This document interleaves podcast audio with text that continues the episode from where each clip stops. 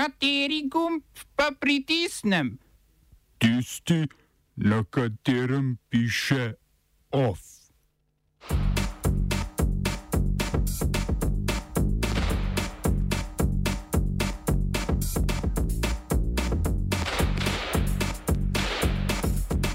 Drugi krok parlamentarnih volitev v Etiopiji. Nekdani japonski zunani minister postal novi predsednik vladajoče liberalno-demokratske stranke. Nigerijsko vojno letalstvo v bombnem napadu ubilo več deset civilistov. NJZ začasno ustavil cepljenje proti COVID-19 cepivom Janssen. V Krofu primerjava učinkovitosti ukrepa karantene in vsakodnevnega testiranja. In v kulturnih novicah o gledališkem dogajanju, ki se ta vikend seli na domače mize.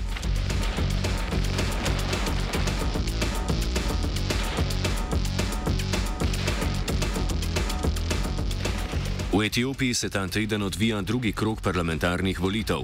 Letošnje volitve so tudi prve večstrankarske volitve v Etiopiji po letu 2015.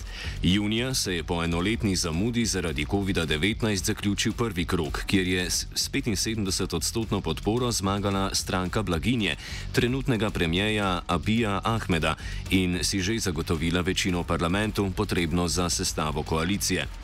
Na prvi pogled premijer Abi uživa visoko podporo etiopskega prebivalstva, a zaskrbljujoča poročila prihajajo iz uporne province Tigraj, kjer so etiopske oblasti prebivalcem prepovedale udeležbo na volitvah.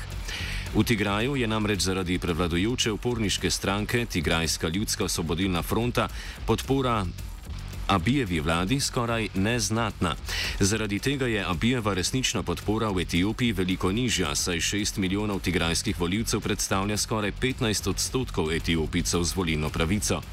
Kljub izključitvi tigrajcev iz volilne baze v ostalih delih Etiopije vlada prepričanje, da bo Abijeva vlada z visokim deležem sedeža v parlamentu uspela zaključiti vojno v Tigraju in vzpostaviti mir v državi.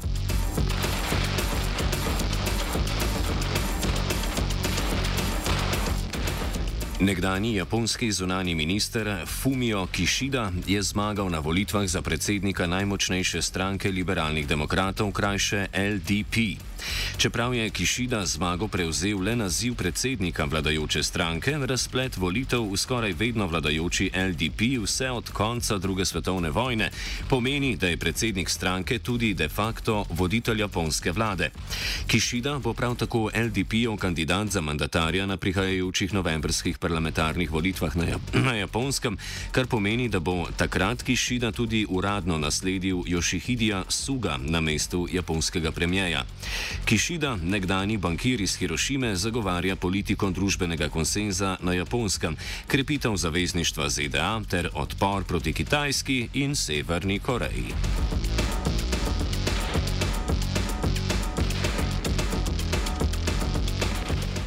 Grčija je s Francijo podpisala 5 milijard evrov vreden vojaški sporazum, po katerem bo Francija do leta 2026 Grčiji prodala od 6 do 8 vojaških ladij. Grški premijer Kirjakos Mitsotakis je sporazum opisal kot prvi korak k skupni vojaški obrambi Evropske unije. Ta bi bila za grško vlado dobrodošla, saj je za njo največji strateški rival Turčija, ki pa je z Grčijo članica zavezništva NATO. Za Francijo ta dogovor predstavlja obliž na sicer odprto rano, ki jo je, priz, ki jo je prizadejalo zavezništvo AUKUS med Avstralijo, Združenim kraljestvom in ZDA. Avstralija je namreč predčasno zaključila sodelovanje s francoskim Naval grupom, ki je za avstralsko mornarico izdeloval 12 najnaprednejših vojaških podmornic v vrednosti več 10 milijard evrov. Avstralija je na to v okviru zavezništva AUKUS izdelavo nuklearnih podmornic predala ZDA in Združenemu kraljestvu.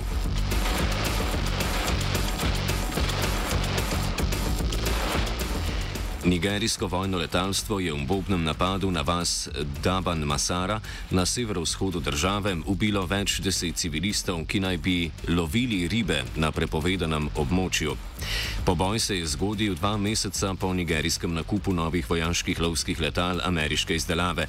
Gre namreč za dolgoročno pogodbo med Nigerijo in ZDA, po kateri nigerijska vojska od Amerike kupuje vojaška letala za zdaj že 12-letni boj proti islamskim skrajnežem na severovzhodu Nigerije.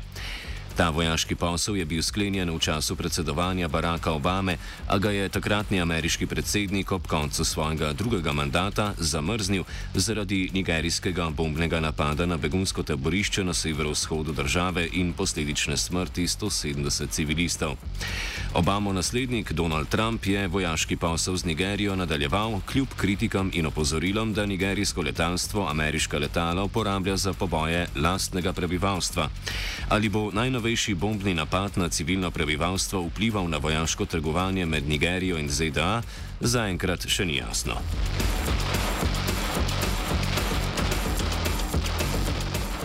Poročilo mednarodne preiskave je zaključilo, da so obtožbe proti več kot 80 humanitarnim delavcem, ki naj bi med epidemijo ebole v Demokratični republiki Kongo med letoma 2018 in 2020 spolno zlorabili več kot 50 žensk, resnične. Četrtina obtoženih je bila zaposlenih v Svetovni zdravstveni organizaciji, ki jim je že suspendirala pogodbe o zaposlitvi. Obtoženi naj bi tako domačinke, kot tudi članice humanitarnih organizacij večkrat posilili in od njih zahtevali spolne usluge. Nekaj deset žensk naj bi tudi zanosilo, na kar naj bi jih obtoženi prisilili k splavu. Ob objavi poročila je Kongo začel svojo preiskavo omenjenih kaznjivih dejanj, ni pa še jasno, kje bo obtoženim sojeno. Oba, če, če bom odgovoril na angliški. Slovenija bo poskušala pomagati. Slovenija bo naredila naš utmost, da bo rekla, da je situacija naš problem, ourselves. In da bomo naredili nadaljnje korake, as soon as the conditions are. Bomo vlado Marjana Cererja Šarca podprli. Zelo, zelo resno. Slovenija. We know how and we will. Državni zbor je 66 glasovi za sprejel predlog stranke Levica o dopolnitvi pokojninskega zakona v delu prostovoljne vključitve v pokojninsko zavarovanje. Po uveljavitvi pokojninske reforme leta 2013 je slabih 10 tisoč državljanov ostalo prostovoljno vključenih v obvezno pokojninsko in invalidsko zavarovanje ter zanj plačevalo prispevke. Ob tem pa niso vedeli, da se jim doba plačevanja teh prispevkov po letu 2013 ni upoštevala kot pokojninska doba brez dokupa. S tem so bili pri odmeri pokojnine oškodovani za 8 let plačevanja prispevkov v pokojninsko zavarovanje.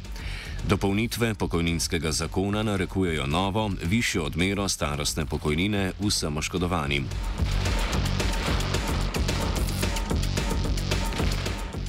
Potem, ko je bila smrt mlajše bolnice povezana s sumom stranskih učinkov po cepljenju s protikoronskim cepivom Janssen, je Ministrstvo za zdravje NIZ pozvalo k začasni ustavitvi cepljenja s tem cepivom do razjasnitve situacije. Ministr za zdravje Janez Poklukar, ki primera bolnice ni natančneje komentiral, je svojcem izrazil sožalje.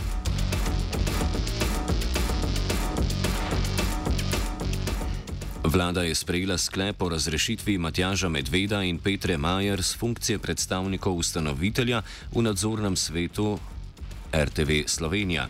Razrešena člana je leta 2018 imenovala vlada Mira Cerarja. Na njuno mesto je trenutna vlada imenovala Antona Tomažiča iz NSI in nekdanjega poslanca SDS Milenka Ziharla. Vlada je zamenjavo utemeljila z dogajanjem na avgustovski izredni seji nadzornega sveta. Takrat so sejo sklicali štirje člani sveta brez odobritve predsednika sveta Boruta Rončeviča, saj jih je ravno toliko potrebnih za sklic seje brez predsedujočega.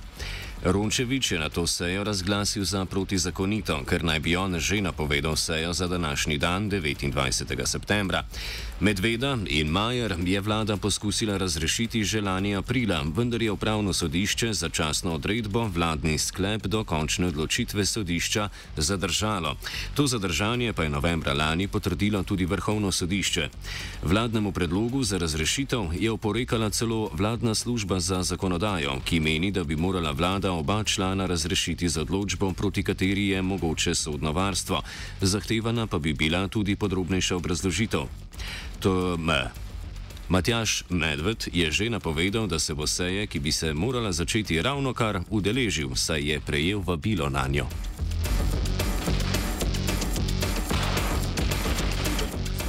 OF je pripravil Vito.